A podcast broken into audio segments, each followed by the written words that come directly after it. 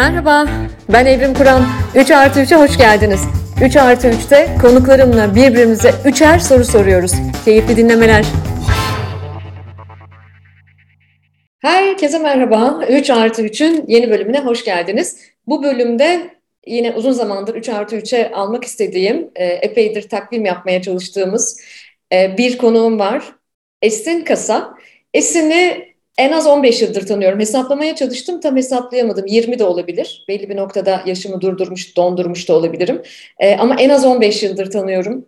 E, ve 10 yıldır da bir fiil birlikte çalışıyorum. Aklıma ne zaman zihni sinir bir proje gelse ilk e, onu aradığım bir girişimci kadın, bir iş insanı, bir küratör yani içerik iyileştirici.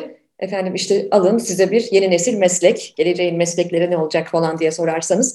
E, benim de eksklusif konuşmacılarından olduğum Speaker Agency'nin, Türkiye'nin en çok konuşturan konuşmacı ajansının kurucu ortağı Esin'cim, kız kardeşim hoş geldin. Hoş bulduk Evrim. Çok teşekkür ederim. Ee, biliyorum bütün konuklarını programı açarken bendeki karşılığı diye tanıtıyorsun. Ee, izninle ben de bendeki karşılığını söyleyerek başlamak istiyorum. Ve bunu böyle biraz mani gibi söylemek istiyorum. Ee, senin adın EK, benim adım EK. Sen de kendi işini 30'lu yaşlarının başında kurmuşsun. Ben de öyle. O dönem oğlun yeni doğmuş. Benim de öyle. Temmuz doğmuşsun. Ben de öyle. Çok çalışkansın ama bir o kadar da duygusalsın. Ben de öyle. Ve e, bu tanımı özellikle biraz iş dışı yapmak istedim. Şöyle de eklemek istiyorum. Hani e, lisede ya da üniversitede senden 2-3 dönem önce mezun olan tanıdığın dostların vardır ya. Sen de benim için hayat okulundan benden 3 dönem önce mezun olmuş ablam gibisin. O zaman hoş buldum. Ah canım çok teşekkür ediyorum. Ne kadar böyle e, nasıl geçmişe gittim Esin. Gerçekten sevgili dinleyiciler e, Esin'e laf olsun diye kız kardeşim demiyorum. Gerçekten e, bir e, kız kardeşlik hikayemiz var. Ve hayat bizi e, o kadar e, benzer... E, benzer e, yol ayrımlarında, benzer düzlüklerin e, kesiştiği yerlerde buluşturdu ki çok benzeyen bir hikayemiz var. Galiba bu dünyada da beni en iyi tanıyan insanlardan biriyle şimdi bir 3 artı 3 çekeceğim. Onun için apayrıca, apayrı heyecanlanıyorum. Elbette biz birlikte çalışıyoruz. Ee, beni bir iş insanı olarak, bir konuşmacı olarak, bir üretici olarak çok iyi tanır ama e, hayatımda karşılaştığım bütün meydan okuyuşlarda koşulsuz, kayıtsız, şartsız her an e, yanımda olmuş bir insan Esin. Bütün bunları konuşacağız zaten bugün. Ve hazırsan ilk sorum geliyor. Hazırım. Heyecanlı mısın? Çok. ben de her zaman çok heyecanlanıyorum ama bugün böyle beni bu kadar iyi tanıyan bir insanla bir 3 artı 3 çektiğim için daha da bir heyecanlanıyorum. Şimdi e, Speaker Agency'yi anlattım. Bir konuşmacı ajansı. 2012 ee, yılında kurdunuz e, sevgili evet. E, eşin ve ortağın Rıdvan'la beraber e, bir sürü konuşmacılar var ajansınıza bağlı. Hatta 2018'de bunu biraz daha öteye götürdünüz ve bence çok zor bir şey yaptınız 2018 gibi. Aslında ülkenin her zamankinden biraz daha fazla zorlandığı bir ekonomik kriz evet. daha yaşıyorduk. 2018'de Speaker Agency UK geldi. Londra ofisinizi kurdunuz. 10 yıldır binden fazla profesyonele 1500'den e, fazla kurumla bir araya getirdiğiniz programlar tasarlıyorsunuz ve bir sürü konuşmacılarınız var.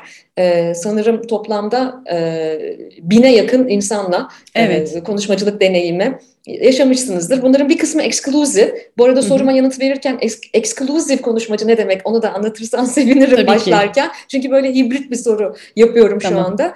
E, konuşmacı ajansıyla e, çalışmak yani ben e, e, sizin ekskluziv konuşmacınızım. Ben bir profesyonel konuşmacıyım diğer işlerimin yanı sıra. E, ve bana çok sık sorulan bir soru var. E, hatta çok sık e, benden talep edilen bir şey var. Yani ben de konuşmacı olmak istiyorum. E, sen sevgili Nilay'ın Nasıl Olunur da Olunur programında bunları çok güzel anlattın. Lütfen e, onu da dinleyin dinlemeyenler. E, ama ben sana biraz daha tersine çevirerek soracağım bu soruyu. E, kimler profesyonel konuşmacı ya da global jargonumuzla keynote speaker olamaz? Birinci sorum bu. çok güzelmiş, çok teşekkür ederim. Beklediğim gibi e, tabii yine zor geldi soru. O zaman yanıtlamaya çalışayım. E, şimdi kimler olabilir tabii konuşmuştuk. Evet, kimler olamaz deyince e, bunu şöyle yanıtlamak istiyorum. İnsanın bir kendi otantikliğini keşfetmesi önemli. Cesaretinin olması önemli kendini ortaya koyma cesareti bu bir anlamda. açık kalpli yaşaması önemli. E, çok merak etmesi önemli. E, çok okuması önemli. Çok iyi bir gözlemci olması önemli bence bu hayatta. Bir alanı çok kafaya takmış olması önemli. Bütün bunların hepsi insana otantikliğini getiriyor. Otantik olduğu noktadan da söyleyeceği şeyler diyor ki benim e, birikti içimde bir şeyler. Bunları paylaşmam lazım, bunları anlatmam, söylemem lazım. Bu biraz içgüdüsel gelişiyor ama o yolculuk ve yolculuğun içerisinde zamanı geldiğinde bir şeyler ortaya çıkıyor. Dolayısıyla insanın biraz kendiyle hemhal olması lazım. Dışarıda değil biraz içeride olmakla ilgili, iç dünyada olmakla ilgili bir şey. Çok dışarıda olduğumuzda, çok kendimizi kıyasladığımız zaman e, o öyle ben böyle, e, neyim eksik, neyi tamamlamalıyım, kitap mı yazmalıyım? Yani sadece toolkit'i, alet çantasını tamamlamaya yönelik yaşadığımızda bence o yöntem işte nasıl konuşmacı olunmaza götürüyor daha çok insanı diye düşünüyorum. Bilmiyorum yanıtlayabildim mi?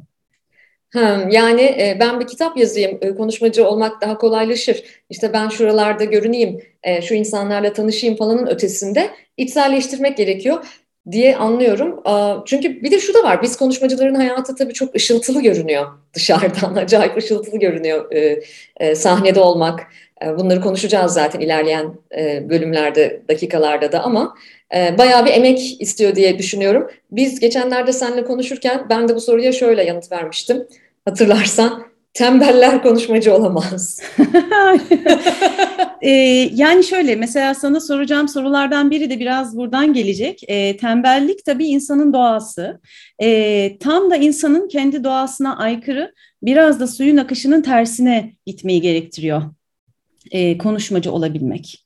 Yani o da çok konfor alanının dışında yaşamakla ilgili bir mevzu diye düşünüyorum. E, dolayısıyla da o da sürekli kendiyle ilgili bir meselesi olması demek insanın. E, kendini e, çok iyi görmemesi, e, ben ben oldum dememesi ile ilgili biraz da. Peki nasıl exclusive konuşmacı olunuyor? Yani e, bir sürü konuşmacılarımız var ama bunların bir kısmı exclusive. Bunu özellikle soruyorum. Çünkü Hı. bana da çok sorulan bir soru bu. E, exclusive konuşmacı ne demek? Eksklusif konuşmacı bence şu demek, e, bir konuşmacı adına kurumsal hafıza biriktirmek demek. E, bir konuşmacının kendi yaratıcı alanında, üretici alanında daha rahat üretebilmesi için ona alan sağlamak demek. E, alan sağlarken de o konuşmacının neyi sevip neyi sevmediğini, neyi yapıp neyi yapmayacağını, neyi isteyip neyi istemeyeceğini içselleştirmek yani o çerçeveyi çok iyi sindirmek, hazmetmek, özümsemek ve o özümsediği yerden karşı tarafa iletişimini yapmak demek. Yani konuşmacıya çok alan tanıyan bir şey. Konuşmacı adına e, kurumsal hafıza biriktiren bir şey. Konuşmacının aslında iletişim ofisi gibi çalışmak demek. Yani e, onlar benim ekibim ve onlarla görüşebilirsiniz deme rahatlığında olabilmek demek. Ve bu bence kesinlikle zorla, şerle ve sözleşmeyle yazılı çizili olabilecek bir şey değil. Bu çok içten gelerek, çok her iki tarafında birbirini iyi anladığı, e, iyi bir iletişim noktasında buluştuğu, doku uyumuyla olabilecek bir şey. Evet çok güzel tanımladın. Ben de e, dinleyenlerden bilenler vardır. Ne zaman işte şu etkinliğimizde konuşur musunuz? Burada şöyle yapar mısınız? Burada şöyle bir destekte bulunur musunuz? E, diye bir talep alsam ee, çok sık duyuyorsunuzdur sevgili dinleyenler. Esin'in ismini benden. Lütfen Esin'le görüşün. Ee, çünkü evet konuşmacının yaratıcılığını e, yaratıcılığa daha çok zaman ayırabilmesi için arkadaki o devasa operasyon ve içerik geliştirme konusunda e, çok ciddi bir ekip çalışması gerekiyor. O yüzden ben de 10 yıldır bu yapının parçası olmaktan dolayı çok mutluyum. Ve birinci soru sırası şimdi sende. Şahane. Ee, şimdi ben sorularımı çok iş dışı hazırladım. onu, söyleyeyim. Ee, şimdi seninle konuştuğumuzda birkaç ay önceydi. O dönem çok heyecanla ve böyle bir konsantrasyonla hazırladığım üç sorum vardı. Ara ara dönüp baktım hala aynı duyguda mıyım, aynı sorularımı sormak istiyorum diye. Evet aynı soruları soracağım. Tabii biraz şey çayı erken ocağa koymuşum diyelim. Demlendi yani tavşan kanı sorularla geldim. Ee, İlk sorum biraz aslında aidiyet geliştirmekle ilgili. Ee, çok şehir değiştiren, çok farklı evlerde kiracı olan, işte üniversiteyi ailesinden uzakta okuyan, e, yaşamının belli dönemlerinde yurt dışında yaşayan ve çok seyahat eden insanlara dair bir, bir gözlem bu aslında. Yani değil iki ülke arasında gitmek, bence iki şehir arasında gitmek. Hatta onu da geçtim bavul yapmak. Yani bavul yapmak bile başlı başına bence bir sendrom. Literatüre geçmesi gerektiğini düşünüyorum. Şöyle bir baktım. E, bavul bavul hazırlama stresi diye geçiyor ama bence bir sendrom bu.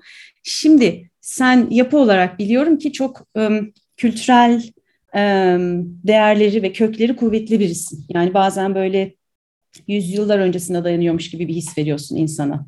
E, içeriklerini okuduğum zaman, ürettiklerini tükettiğim zaman bu hissi alıyorum. Ama bir taraftan da bu çok seyahat etme durumundan dolayı da e, ayrı bir çeviklik var. Yani her an hem çok köklü ama her anda gitmeye hazır gibi.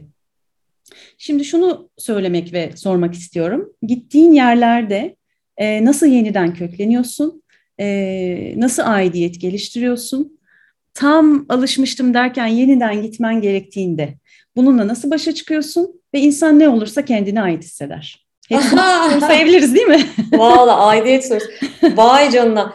Aslında gerçekten soru demlendi. Çünkü sevgili dinleyiciler e, ben e, şu anda e, İstanbul'a yerleşmeye karar verdiğimde bundan bir buçuk yıl kadar önce İstanbul'daki evim belirlendiğinde artık ben Türkiye'ye döneceğim, kesin dönüş yapacağım kararımı ilk söylediğim insanlardan biridir Esin. hatta sanırım ilk aradığım, yani böyle bir şey kafamdan geçiyor diye ilk aradığım Kanada'dan isimdir Esin. Türkiye'deki dostlarım, ailem, ee, bana İstanbul'da yerleşeceğim evi arayıp bulduklarında e, ve Esin'in de dahil olduğu bir grup dostum daha ben Türkiye'ye gelmeden Türkiye'deki evimin dekorasyonunu yapıp evimi bana hazırladıklarında e, ben geldim o zaman şunu söylemiştim Esin'e. Esin ben çok yoruldum artık biraz yerleşik olmak istiyorum. Ben artık bu evde biraz e, biraz en azından böyle bir 3-5 sene yaşamak istiyorum diye. Ama biz dün akşam e, Esin'le bir yemek yedik. Dedim ki Esin ev sahibi aradı beni. Amerika'dan oğlum geliyor çık dedi. ben de Türkiye'nin geçtiği bu ekonomik türbülansta payıma düşeni aldım bir kiracı olarak ve yeniden ev aramaya başladım. E, bu da benim e, sınavım galiba bu hayatta. Çünkü gerçekten o kadar istiyorum ki yerleşmeyi, köklenmeyi. Çünkü bir tarafımla ben çok çok konservatif de bir tipim. Yani köklerine çok bağlı bir tipim. Ama hayat bana sürekli meydan okuyor. Bak dedim ki mahallemi buldum, evimi buldum. Ben artık uzun süre burada kalırım. Şimdi hop tekrar başladı. E, bavullar hala ortada. Yani bavulsuz bir hayat çok uzun yıllardır yaşamadım. O yüzden de ee, özellikle son 6-7 yılda yaşadığım göçmenlik deneyimi, ondan öncesinde doğduğum, büyüdüğüm Ankara'dan ayrılmak, farklı kentleri, farklı kültürleri deneyimlemek falan bütün bu süreç evimizi kalbimize koymamız gerektiğini öğretti bana. E, kaplumbağa gibi yaşamak lazım galiba. Evimizi kalbimize koyarsak o zaman gittiğimiz yerlerde e, e, ait olmayı becerebiliriz. Yani aslında bizim ait olduğumuz yer bir, bir evin duvarları değil, bir e, kentin sokakları değil, e, bir ülke değil. Aslında ait olduğumuz yer e, inanç sistemimiz, kendi duygumuz, kalbimiziz yani. Evi kalbe evet. koymak çok önemli. E, dinlemişsindir e, çok sevgili Şermin'le geçen bölümlerden birinde ev ve yuva arasındaki farkı konuşmuştuk. Dinlemeyenlere evet. tekrar oraya bir göndermek isterim. Evet bu yani kimileri e, evlerde e, yaşıyorlar, e, kimileri bir yuva yaratıyorlar, bir e, bir yuvada kökleniyorlar. Ben galiba onu kalbime koydum. Yani kalbime koydukça gidiyorum. Her gittiğim yerde de kendime e, yeni bir yuva yaratabiliyorum. Şimdi yine bir e, yolculuk görünüyor bakalım. Bakalım bu kez evimi nereye taşıyacağım. Ama kendimi bildim bileli ev taşıyorum. Ve bavul hazırlıyorum kendimi bildim bileli. Bavul hazırlamaktan e, yıldım dedikçe daha da fazla bavul hazırlar oldum. Geçenlerde Evimde e, zaman zaman bana e, yardıma gelen e, yardımcı arkadaşım dedi ki Evrim Hanım bu bavulları e, ne zaman kaldıracağız dedi. Evin bir odasında sürekli bavul bavul bavul. Dedim ki dur az daha dur.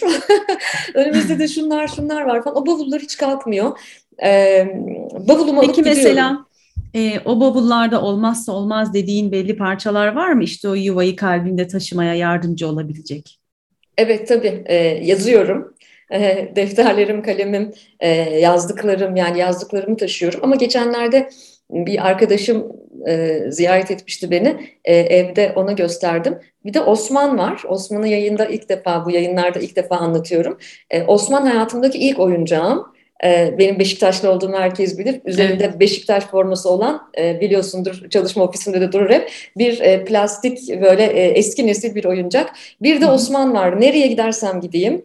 E, kendimi bildim bileli sayısını bilmediğim kadar çok ev, şehir, ülkede Osman hep benimle beraber. Demek ki ben her gittiğim yere çocukluğumu, köklerimi taşıyorum. Galiba olmazsa olmazım o.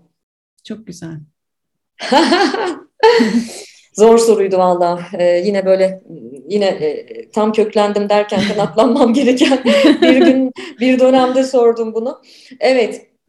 Efendim geldik benim ikinci soruma. Ee, yani işle ilgili soruyormuşum gibi görünse de aslında çok da işle ilgili sormayacağım. Buradan senin yaptığın işten yola çıkarak genel bir hayat perspektifi öğreneceğim. Bence biz çalışan insanların, profesyonellerin özellikle çok ihtiyacı olan bir yanıt. Şimdi bence konuşmacılarla çalışmak zor. Yani e, senin bir kurumsal müşterilerin var bir tarafta. E, onlar zaten Türkiye'nin, e, dünyanın çok muteber kurumları. Ama bir yanda da e, konuşmacılar var. Yani konuşmacıları onlarla buluşturuyorsun. E, fakat bence özellikle bizim memlekette e, konuşmacılarla çalışmak daha zor olabilir. Çünkü bizim memlekette eğer e, sanal dünyada veya reel dünyada bir düzineden fazla insana sesleniyorsan kendini çok önemli biri sanma ihtimalin artabilir. Yani kendini bir şöhret sanma eğilimi e, içerisinde olabilirsin. Tabiri caizse azıcık havalanabilirsin. E, o yüzden bence e, az ünlü, orta ünlü veya çok ünlülerle çalışmanın zor olduğunu düşünürüm hep. E, bunun için de bence sizin işi yaparken zor insanlarla başa çıkma sanatında biraz usta olmak gerekiyor. Sen e, benim hayatımda tanıdığım e, en sağlam kriz çözücülerden, en soğukkanlı kriz çözücülerden ve zor insanlarla başa çıkma konusunda üstad olmuş insanlardan birisin. Bize bunun, ben de dahil bu arada sevgili dinleyenler, benimle de çalışmak çok kolay değil. Bize bunun şifrelerini verir misin? E, bu profille, bu profillerle nasıl e, uyumlu bir halde çalışabiliyorsun? Şimdi e, bence bir parça daha gerisine gidebiliriz. Konuşmacı olmanın temelinde olan veya olmayan şeylerden bahsettik ya ilk soruda sohbetin başında. Ben birlikte çalıştığım konuşmacıların, e, tabii ben diyorum ama yani konu konu kesinlikle hiçbir zaman ve sadece ben değil ve olmayacak. Biz 12 kişilik bir ekibiz. Her birimiz canla başla aslında çalışıyoruz. Bütün ekip arkadaşlarım çok büyük özveriyle katkı veriyor bu işe. E, çünkü bence sadece gönülden yapılabilecek bir iş bu. Ben çalıştığım konuşmacılara önce çok saygı duyuyorum. Ondan sonra da çok seviyorum. Yani e, bir gönül bağı kuruyorum her biriyle. Çünkü e, şuna bakıyorum. Çalıştığım konuşmacılar veya çalışacak olduğum konuşmacılar e, kend, yani zihnini hiç zorlamış mı hayatının bir yerinde? Kalbi kırılmış mı? E, çok mücadele etmesi gereken düştüğü, kalktığı, e, başarısız olduğu, sonra tekrar cesaretini yeniden toplayıp yeniden denediği, iniş çıkışları olmuş mu? Buraları çok merak ediyorum ve bu hikayeleri öğrendikçe saygım ve beraberinde sevgim artıyor. Dolayısıyla bir zorlanma anında bunları hatırlamak bence önemli. Yani çünkü çalıştığımız herkesin de belli bir mücadelesi var. Ee, gümüş tepsiyle e, ve altın kaşıkla sunulmadı yani konuşmacı olmak hiç kimseye. Dediğim gibi zaten çok akışın tersine gitmeyi gerektiren bir iş. E, dolayısıyla da o zorlanma anlarında e, biraz aslında karşımızdaki kişinin neden aslında o tepkiyi verdiğini, e, o, o duyguyu neden yaşadığını, bunu başka bir şeyin tetikleyip tetiklememiş olabileceğini bir hesaba katmak gerekiyor. Daha önce yaşadığı bir tecrübeden dolayı verdiği bir tepki mi var? E, ya da konuya bakışı ne? Nedenini anlamak yani onun kök nedenine bir inmek bence önemli anlamaya çalışmak en temel mesele diye düşünüyorum. Yani neyi doğru söylüyor? Burada buradan neyi benim cebime koymam lazım mı? Duymak, duymaya çalışmak bence önemli.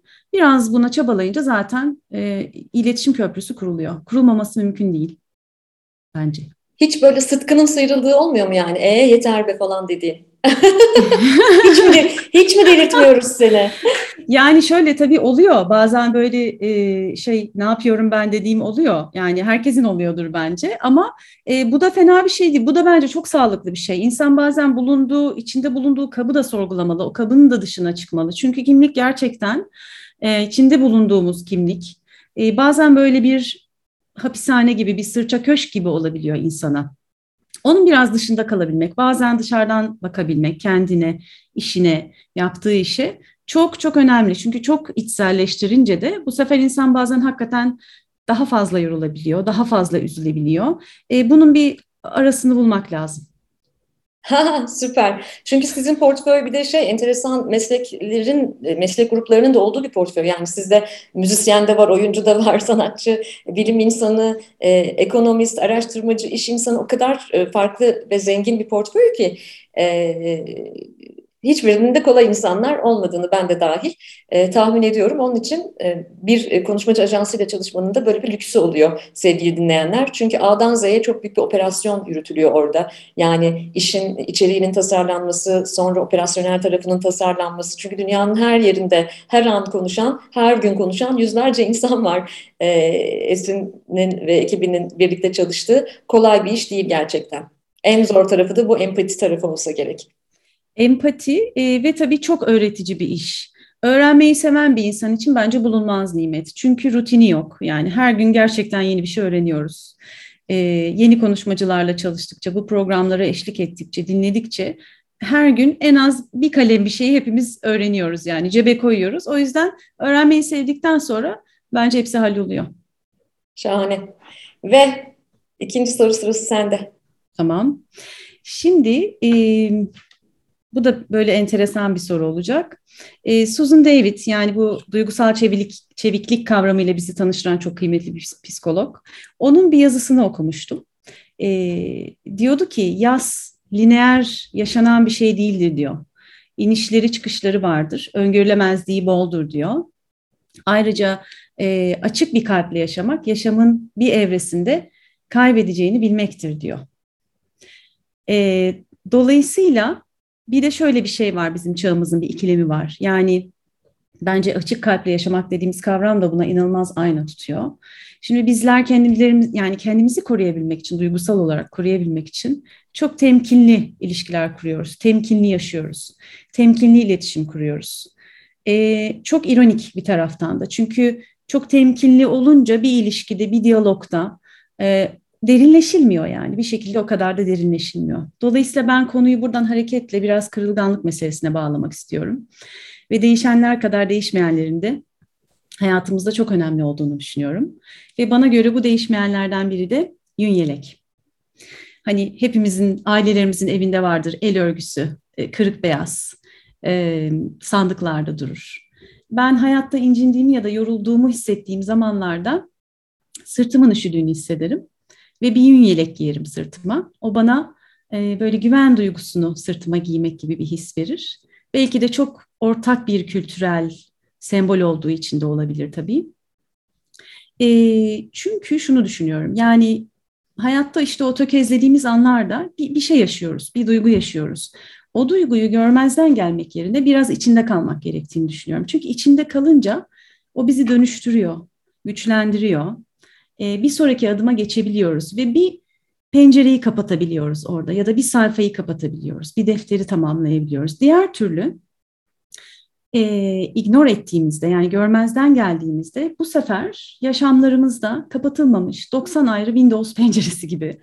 yani hani yorulmuş bir zihin ve kalple sürekli yaşıyoruz. Dolayısıyla e, Nilüfer Devecigil'in Işığın Yolu kitabında çok güzel bir sözü var. İlişkilerde inciniriz ve ilişkilerde iyileşiriz diyor. O yüzden e, bu aynı ya da farklı bir ilişki fark etmez. E, bir parça içinde kalmaya kendimize izin vermek lazım diye düşünüyorum bu duyguların. Dolayısıyla sana da buradan soracağım. Yaşamda işte kırıldığın, üzüldüğün, incindiğin zamanlarda açık kalbini koruyarak yaşayabilmek adına, e, kendini iyileştirmek adına belli ritüellerin var mı ve bunları bizlerle paylaşır mısın? Vay çok güzel soru. Sen e, soruyu sorarken de ben hemen e, gördüğün gibi kitaplığımda arkamı döndüm ve Susan David Emotional Agility e, kitabımı elime aldım. Çünkü bu e, beni birkaç yıl önceye götürdü bu sorun. Oradan başlayarak yanıt vereceğim. Ben Susan'la tanıştım. E, hayatımın en e, en e, unutamadığım e, kısa zamanlarından biridir. E, New York'ta, Amerika'da, e, World Business Forum'da evvelce hiç tanımadığım Susan David isimli bir e, kadın sahneye çıktı. E, Susan David Harvard Tıp Fakültesi profesörü e, ve aslında Güney Afrika kökenli bir Amerikalı. Ve konuşmasına şöyle başladı. Savubona dedi. Ben e, aslında o konferansta e, dinlemek üzere gittiğim baş, bayağı kilit isimler vardı. Bu arada bir parantez açıyorum. Mesleğimizde de böyle bir şey de var. Yani dünyanın her yerinde bu işin evet. nasıl yapıldığını da takip etmemiz, izlememiz çok önemli. Ee, Suzan'ı tanımıyordum. Savubona dedi. Böyle çok zarif, çok güzel, çok çok e, yumuşa, yumuşacık enerjisi olan bir kadın. Ee, ve ben şaşırdım. Bu ne demek acaba dedim. Bu e, köklerine selam vermek istedi Susan. Çünkü Zulu dilinde, Güney Afrikalı olduğu için Zulu dilinde Savubona merhaba anlamına geliyormuş. Ve aslında birebir çevirdiğimiz zaman e, tam açılımı şuymuş. Seni görüyorum, varlığını saygı ve kabulle karşılıyorum demekmiş. Şahane. Çok güzel değil mi? Çok çok ee, güzel. Çok da etkilenmiştim. Sonra da Bavul dergisine Sabubona diye de bir yazı da yazmıştım. Ee, ve orada ben Susan'dan şunları öğrendim. Ee, sonra hemen kitabını aldım. Sonra o sahnede indikten sonra yanına gittim. Ona sarılmak istedim. Gözlerim dolu doluydu. Sonra bana dedi ki neden bu kadar etkilendin? Seni bu konuşmada bu kadar etkileyen şey ne? Çünkü ben konuşamadım bile. Sadece gözlerime baktı. Ee, e, ben de e, kendime izin vermem gerektiğini fark ettiğimi söyledim ona. Çok hoş bir andı benim için. Ee, Susan e, yaptığı çalışmada yani emotional agility, duygusal duygusal çeviklik diye çevirebileceğimiz çalışmada 70 binden fazla kişiyle bir araştırma yapıyor. Ve o araştırmada çok enteresan bir şey çıkıyor Esin. E, sen de kitap okuduğun için biliyorsun ama dinleyiciye aktarmak için söylüyorum. E, üçte birimiz olumsuz duygulara sahip olduğumuz için kendimizi yargılıyoruz. Hayır böyle olmamalıyım, bu olumsuz duyguları taşımamalıyım diyoruz ve hislerimizi sürekli öteliyoruz. Üstelik bunu sadece kendimize yapmıyoruz. Sevdiklerimize, çocuklarımıza da yapıyoruz. Böylelikle de hem biz hem çevremizdeki en sevdiğimiz insanlar olumsuz duygulardan dolayı utanıyorlar. Yani biz aslında utanç armağan ediyoruz farkında olmadan en sevdiklerimize. Tabii bunda kişisel gelişim endüstrisinin çok büyük payı var. Çünkü kişisel gelişim endüstrisi bize sürekli sanki tek doğru buymuşçasına pozitif ol diyor. E, olumlu olmak dayatılıyor aslında insana. Doğru. Çok Dolayısıyla doğru. E, ben de bunun baskısını çok yaşıyordum. Her pozitif düşünce çağrısı benim içimdeki cesareti kursağımda bırakıyordu. O dönemde geçmekte olduğum zor bir dönemde hatırlarsın sen. E, hayatımda beni zorlayan, çok zorlayan, çok e, kırılmam gereken ama kendime kırılmaya dahi izin vermediğim bir dönemde. Ve Susan'la tanıştığımda Susan'dan şunu öğrendim. Duygular veridir, direktif değildir. Yani duygular bize bir şey anlatır. O yüzden de onlar bilgi durakları diyor Susan. Yani reddetmek veya utanç e, yaşamak için değil, kabul etmek ve yaşamda ilerlemek için varlar ve önemli olan bizi kıran bu duygularla neler yaptığımız. Bu sebeple çok sevdiğim bir şey daha söylemişti. Yalnızca ölülerin kalpleri kırılmaz demişti o konuşmasında. Evet yalnızca ölülerin kalpleri kırılmaz. Yalnızca ölüler konforludur. Ölülerin sıkıntıları yoktur. Evet. Ee, yine aynı konuşmada şunu söylemişti. Hiç hiç unutmadım. Kulağıma küpe ettim. Sıkıntılar anlamlı bir hayata katılım bedelidir. E ben de anlamlı bir hayatın peşinde olduğum için ne zaman bugün de hala bir sıkıntıyla karşılaşsam bir katılım bedeli ödediğimi düşünüyorum. Çok güzel. O yüzden savubona demek. Yani acıyı gördüğümüzde, derdi gördüğümüzde, bizi zorlayanı gördüğümüzde de savubona demek. Yani seni görüyorum ve varlığını saygı ve kabulle karşılıyorum. Demek bence çok kritik. Bunu yaparken ne kadar usta oldum bilmiyorum. Ama yaşım ilerledikçe, hayat deneyimlerim e, çoğaldıkça bunun en kolay yöntem olduğunu fark ettim. O yüzden ben e, bu bir ritüelse eğer e, duygumu kabul etmeye ve kendime kırılma, acı çekme e, izni vermeye çalışıyorum. Çünkü o direktif olarak ele alındığı zaman, şimdi şöyle yap, böyle yap dediği zaman seni panik hale getiriyor. Halbuki ben onu bir araştırmacı olarak sadece bir data olarak ele alıyorum. Bu duygu, içinde bulunduğum bu duygu bir data. Ve bu datayla ne yapacağım? E, diğer türlü de tabii bu insanı güçlü olmak zorundayım mitinden kurtaran bir şey bence.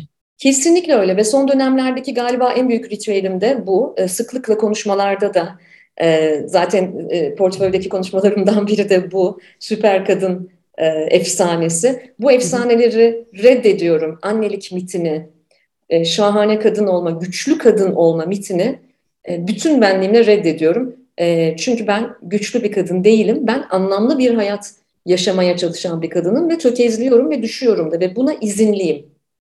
Kendime sıklıkla bunu hatırlatmak, izinliyim, benim buna iznim var e, diyebilmek galiba benim en büyük ritüelim. Çok güzel. Ben aldım yanıtımı.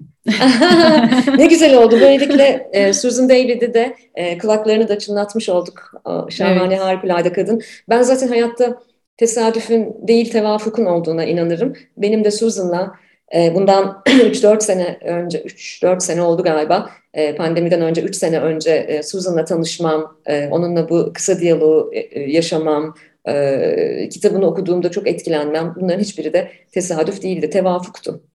Evet, insanın ihtiyacı olan ve yanıtlarını aradığı şeyler karşısına çıkıyor hayatta. Bence de tevafuk.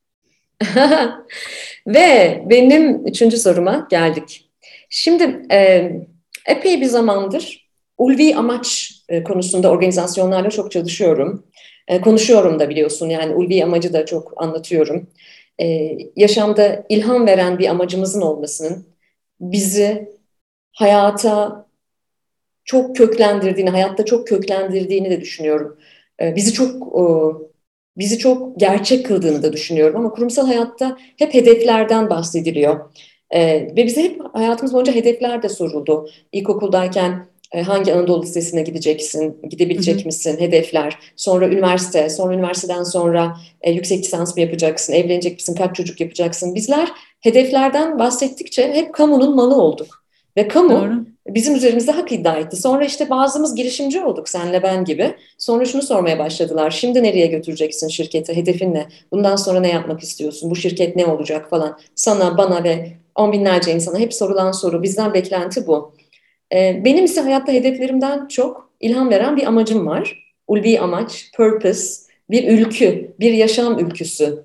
Yani yapmasak da olur ama yaparsak, o ülküye uygun yaşarsak daha anlamlı bir hayat yaşarız. Kendimle ilgili uzun yıllar çalışıp geldiğim nokta şu. Benim hayattaki ilham veren amacım, yaptığım iş vasıtasıyla e, ilham veren amacım para kazanmak değil birinci sırada. Hı hı.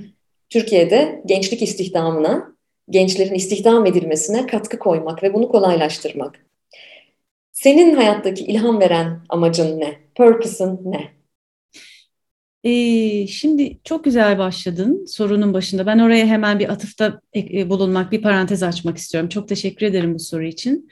Ee, biz hayatlarımızı to-do list gibi yaşıyoruz. Ee, yani sanki doğar doğmaz önümüze bir tane kartonette bir to-do list, yani bir checklist veriliyor. Al Esin'cim sen bunu, her evrede bir tanesine tik atman gerekiyor. Tamam, tamamladın mı? Hemen bir sonrakine geç. Ondan sonra soluk almadan hayatlar yaşıyoruz. Yani e, bir durup bakmak, bir dönüp bakmak, ben neredeyim, ne yapıyorum, nereye gidiyorum, bana yaşama ne katkısı var bu yaptığımın, bu yaptığım anlamlı mı, yaşadığım hayat anlamlı mı? Bunu soracak e, zihin yapısına geldiğimizde zaten kırklara falan gelmiş oluyoruz. E, yani hani bir bir şey varsa şansımız yaver giderse bir 20-30 sene daha varsa oralarda biraz daha değer katıp biraz daha anlamlı bir hayat yaşamak mümkün oluyor. Şanslılarımız daha erken e, bu, bu farkındalık yolunda e, biraz daha aslında kilometre kat etmiş oluyor. O yüzden bir durup bakmak bence çok önemli. Yani ben de mesela kendi hayatımda hep koştum bir şekilde. Yani hep hareket halinde olmayı tercih ettim. Yani e, iç dünyamda düşmemek için, iç dünyamda tökezlememek için benim hep çalışmam lazım, hep bir şey yapmam lazım. Yani lazımlarım çok oldu hep hayatta. E, ama yani bu bir taraftan benim kendi kişisel yolculuğumda e, evrilmem gereken, e, yol almam gereken bir taraf.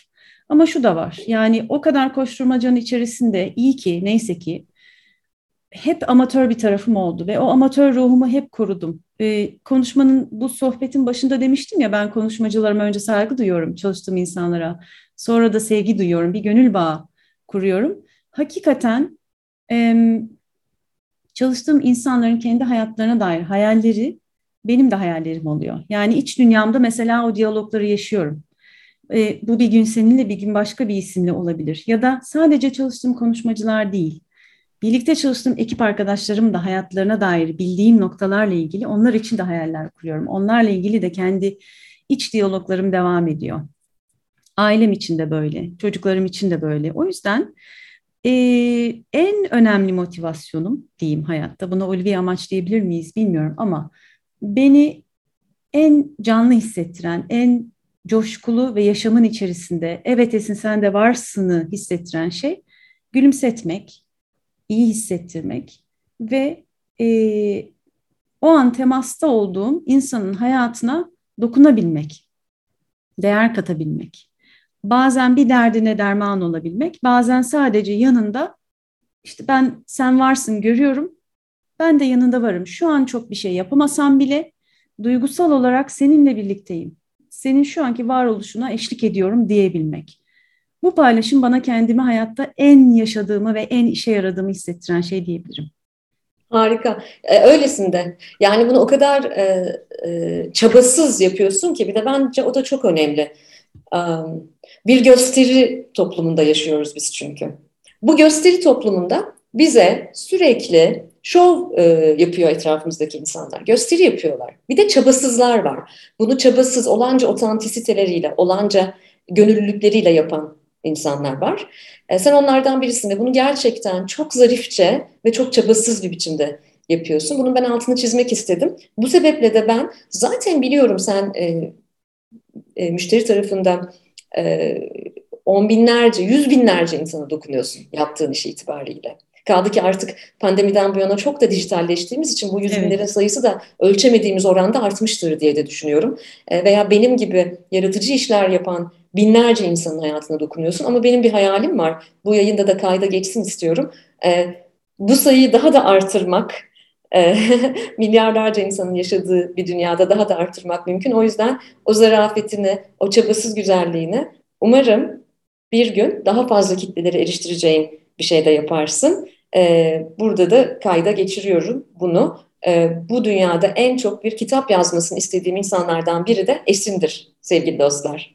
Bunu ilk kez duyuyorum senden. evet. Yani. o kadar e, o kadar e, nefis anlatır. Zaten dinlerken de fark etmişsinizdir. O kadar kuvvetli bir iç sesi vardır ve o kadar şahane metaforlarla anlatır ki bunu.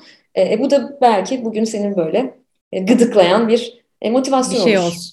Evet yeni bir pencere açtın şimdi bende. Bu beni birkaç gün uyutmaz. Olsun.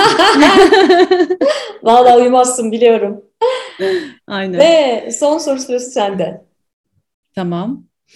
Ee, zaman zaman sosyal medya paylaşımlarında tarihin farklı dönemlerinde yaşamış edebiyatçılarla, bilhassa da kadın edebiyatçılarla diyalogların oluyor. İşte onlar için bavula mektup yazıyorsun yaş günlerinde veya işte çok farklı dönemlerde yaşamış önemli insanları birbiriyle konuşturuyorsun. Birbirleriyle diyaloglar yaratıyorsun. Sen onlarla diyaloglar kuruyorsun. Ve e, şunu sormak istiyorum. Mesela şimdi böyle birkaç tanesi canlansa, sen onları kapı çalsa, eve misafirliğe gelseler, akşam yemeğinde ağırlayacak olsan hangileri gelirdi? E, misafirini karşıladığın gibi onları karşılasan ve hoş geldin desen, onlara ilk e, ne demek isterdin, nasıl karşılamak isterdin ve mesela onlar senin kendini şifalandırma sürecine nasıl katkı verdiler bunu merak ediyorum hakikaten. Vay, e, e, ne güzel söyledin. E, ben evet e, bazen şey yapıyorum, e, yaşamayan, e, bu dünyadan e, sınırları olan bu alemden gitmiş, beni çok etkilemiş ama insanlarla sanki yaşıyormuşçasına böyle e, kurgu diyaloglar yazıyorum, onlara mektuplar yazıyorum, yayınlıyorum bazen bunları. Bunlardan bir tanesi Tezer Özlü, e, bunlardan bir tanesi e, Halil Cibran, e, Eric Fromm, e, Ahmet Kaya, hatta Eric Fromm'la Ahmet Kaya'yı aynı masada buluşturduğum e, bir yazım ve bir podcast'im de var. E, bunu sesli de okumuştum. E, dinlemek isteyenler dönüp bakabilirler.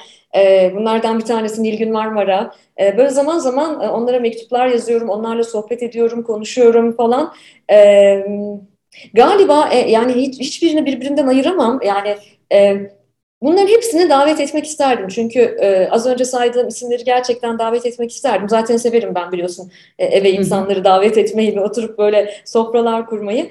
E, o sofralarda mesela sormak isterdim. Yani Eric Fromm'a e, bir anlatsana yani sevgiyi. E, gerçekten sevmek bir sanat mı, sevmek bir duygu mu yoksa bir eylemlilik hali mi? Onun üzerine evet Ahmet Kaya e, sevgi duvarını söylesin isterdim. E, onu duyan Tezer gelsin, e, Tezer Özlü kendi yaşamını anlatsın, Nilgün gelsin, Nilgün Marmara e, e, nasıl kırıldığını anlatsın. E, ve onun üzerine Halil Cibran desin ki bir dakika ve e, geniş bir perspektif çizsin ve e, bize ruhumuzda özgür olmayı anlatsın. Bunları çok isterdim. Bu insanlarla böyle aynı masada oturmak çok isterdim. E, ben galiba içimde de bu insanlarla oturuyorum ve kafamdan da e, böyle projeler geçiyor. Yani bu bu fiktif, bu kurgu, evet. e, bu kurguyu e, daha geniş kitlelere yaymak. Bunlar kafamdan geçiyor. Yani bugün olsalardı ne olurdu? Yattığı yerden kalksa bu insanlar bize ne derdi? E, ben onlara ne derdim? Bunu biraz daha yaygınlaştırmak istiyorum. Her dönem hayatımda beni biraz daha fazla etkileyen e, edebiyat e, veya işte üretim sanat dünyasının kahramanları oluyor. E, ama galiba bütün bunların içerisinde e, evet baş misafirim ama baş misafirim Halil Cibran olurdu. Öyle tahmin ediyorum Yaşadığım her yerden, her şeyden e, benden e, çok uzun zaman önce geçmiş, bütün duygum, duygularımdan geçmiş. Göçse göç, aşksa aşk, e, üretimse üretim, yalnızlıksa yalnızlık. E, galiba baş misafirim olurdu ve onun yanına da böyle çeşitli zamanlarda insanları dizerdim falan. O yüzden bazen de e, düşünüyorum çok da çağdaş biri değilim galiba. Sanki çok da bu çağın insanı değilim gibi. Yani çağdaşlık tabii göreceli bir kavram bence. Hmm, neye göre ve kime göre ve neden bir çağdaş olmak diye bir tanım koyuyoruz o da ayrı. Çünkü derinliği ve mozaiği ve o rengarenkliği sağlayan şey bütün bu çağ, yani bütün bu zamanları e, aynı çizgiye getirebilmekle mümkün bence. E, bir de şu var mesela sen yaptığın iş itibariyle çok göz önünde bir insansın. Ve çalıştığımız bir sürü konuşmacı içinde bu çok geçerli, çok gerçek, çok e, göz önündesiniz, tanınıyorsunuz, e, etkileşimleriniz çok fazla. Dolayısıyla mesela benim ortak gözlemim şu, çok tanınmış insanlara dair ve empati yapmaya çalıştığım zaman konuşmacılarımızla ilgili şunu görüyorum. Diyorum ki yani çok yorucu değil mi? Yani insan hem aktarmak, paylaşmak istiyor, hem kitlelerle buluşmak istiyor, dokunmak istiyor, enerji alışverişini istiyor. Ama bazen de görünmez olmak istiyor. Hem çok başarılı olmak istiyor, ee, ama bazen çok çalışıp çok yorulduğu dönemlerde de şikayetleniyor. Şimdi ikisi de doğru. İkisi de çok insana dair. Ama bir taraftan da işte bu kadar mesela göz önünde bulmak, olmak bazen insanı bir sırça köşke e, sokuyor. Yani bir böyle bir bülbülün altın kafeste olması durumu diye düşünüyorum açıkçası. Dolayısıyla mesela bazen eminim ki sen de böyle hissediyorsundur yani kendini işte o bülbülü altın kafese koydular gibi. E, oralarda yardımcı oluyor mu? Tarihte yaşamış bu kadar kıymetli insanla bu diyalogları e, yapıyor olmak. O biraz altın kafesi aralamayı, nefeslenmeyi, başka insanların algısındaki evrimden çıkıp gerçek evrimle buluşabilmek için yani kendi iç bütünlüğünü e, tekrar koruyabilmek ya da sağlayabilmek için katkısı oluyor mu? Onu merak Tabii. ediyorum. Tabii olmaz mı? Yani e, evet çok kalabalıklar içinde yaşıyoruz biz dijital veya e, analog fark etmeksizin. Yaptığımız iş bunu gerektiriyor. E, bazen binlerce kişinin karşısına çıkıyoruz. E, beni biliyorsun ben sahneye çıkmadan önce pek kimseyle konuşmak istemem. Yalnız evet. kalmak ve kendi kuyutuma çekilmek isterim ama bu her zaman mümkün olmuyor. Ben orada hayal kuruyorum. Yani iflah olmaz bir hayalperestim ben. Bazen mesela seyircinin içerisinde Halil Cibran'ın oturduğunu falan hayal ediyorum. Muhteşem. Ben mesela şunu dediğimde o göz kırpmış falan gibi geliyor bana e, rahmetli anneannem beni doğ, beni büyüten, doğurmayan ama e, doğurmuşçasına e, bana sahiplenen, e, beni büyüten rahmetli anneannem benim için çok çok önemli biridir. Mesela onun hala var olduğunu ve kulağımın arkasından bana bir şey söylediğini düşünüyorum. Ona şimdi sorsam ne derdi diyorum. E, bir takım işte edebiyatçılar, sanatçılar e, e, çok e, hayranı olduğum ve benim üretim süreçlerimi çok olumlu etkileyen insanlar onlar olsaydı onlar ne derdi şimdi diye düşünüyorum. E, bu sahneye onlarla çıksaydım, ben seyirci koltuğunda olsaydım, onlar sahnede olsaydı, bu problemi onlar çözmeye çalışsaydı ve bu hayatımı inanılmaz kolaylaştırıyor. Çünkü aslında buraya bir oyun oynamaya geldiğimizi hatırlatıyor bana ve günün sonunda şahların da piyonların da hepsinin aynı kutuya konarak bu oyundan çekileceğini kendimizi değil, yaptığımız işi önemsememiz gerektiğini hatırlatıyor bana. O yüzden hatta kalmama çok yardımcı oluyor. Harika. Ne güzel oldu. Çok çok keyifli oldu. Evet, çok çok teşekkür ederim davetin için. Ee, ben çok teşekkür ederim geldiğin için. Birbirini çok iyi tanıyan e, insanlar için insanları bir araya e, e, getirerek böyle bir yayın kayıt yapmak çok kolay değil sevgili dinleyiciler. çünkü belki de aralarda otosansürümüz bile giriyor olabilir. E, çünkü kemiksiz evet. söyleşilerimiz var bizim. E, ama çok evet. güzel oldu. Hem yaptığımız işi belki e, senin de benim de yaptığımız işi ve e, nereden gelip bu işin e, nerelere uzandığını ee, aslında ne kadar da meşakkatli bir iş olduğunu her iş gibi, her iş gibi e, çok da ışıltılı pırıltılı olmadığını, çok büyük e, çaba, kan, ter, gözyaşı da gerektirdiğini belki bir miktar anlatabilmiş olduk. Kesinlikle. Ve kız kardeşçe duygularımızı da paylaştık. Halil Cibran'a çok e, Halil Cibran'ın ruhuna çok üfledik. Ben de kapatırken yine bir Halil Cibran söyleyişiyle kapatayım o zaman 3 artı 3'ün bu bölümünü. Cibran şöyle der, keder içinizi ne kadar derin oyarsa neşe de o kadar çok yerleşir oraya. E, ben e, Allah izin verirse devamına hayatımın neşeli bir dönemindeyim. E, neşe, neşeyi daha çok yukarıda tutmaya çalıştığım, neşeyle daha hemhal olduğum bir dönemindeyim. E, kederin içimi çok derin oyduğu zamanlardan geldiğimden belki Cibran bir kez daha haklı. Senin için de aynı şeyi diliyorum. Neşe yerleşsin, yerleşsin ve bundan sonra hayatımızda ekseriyetle neşe olsun. Ve coşku olsun dilerim. Ve coşku olsun. Çok teşekkürler. Görüşmek üzere. Görüşmek üzere.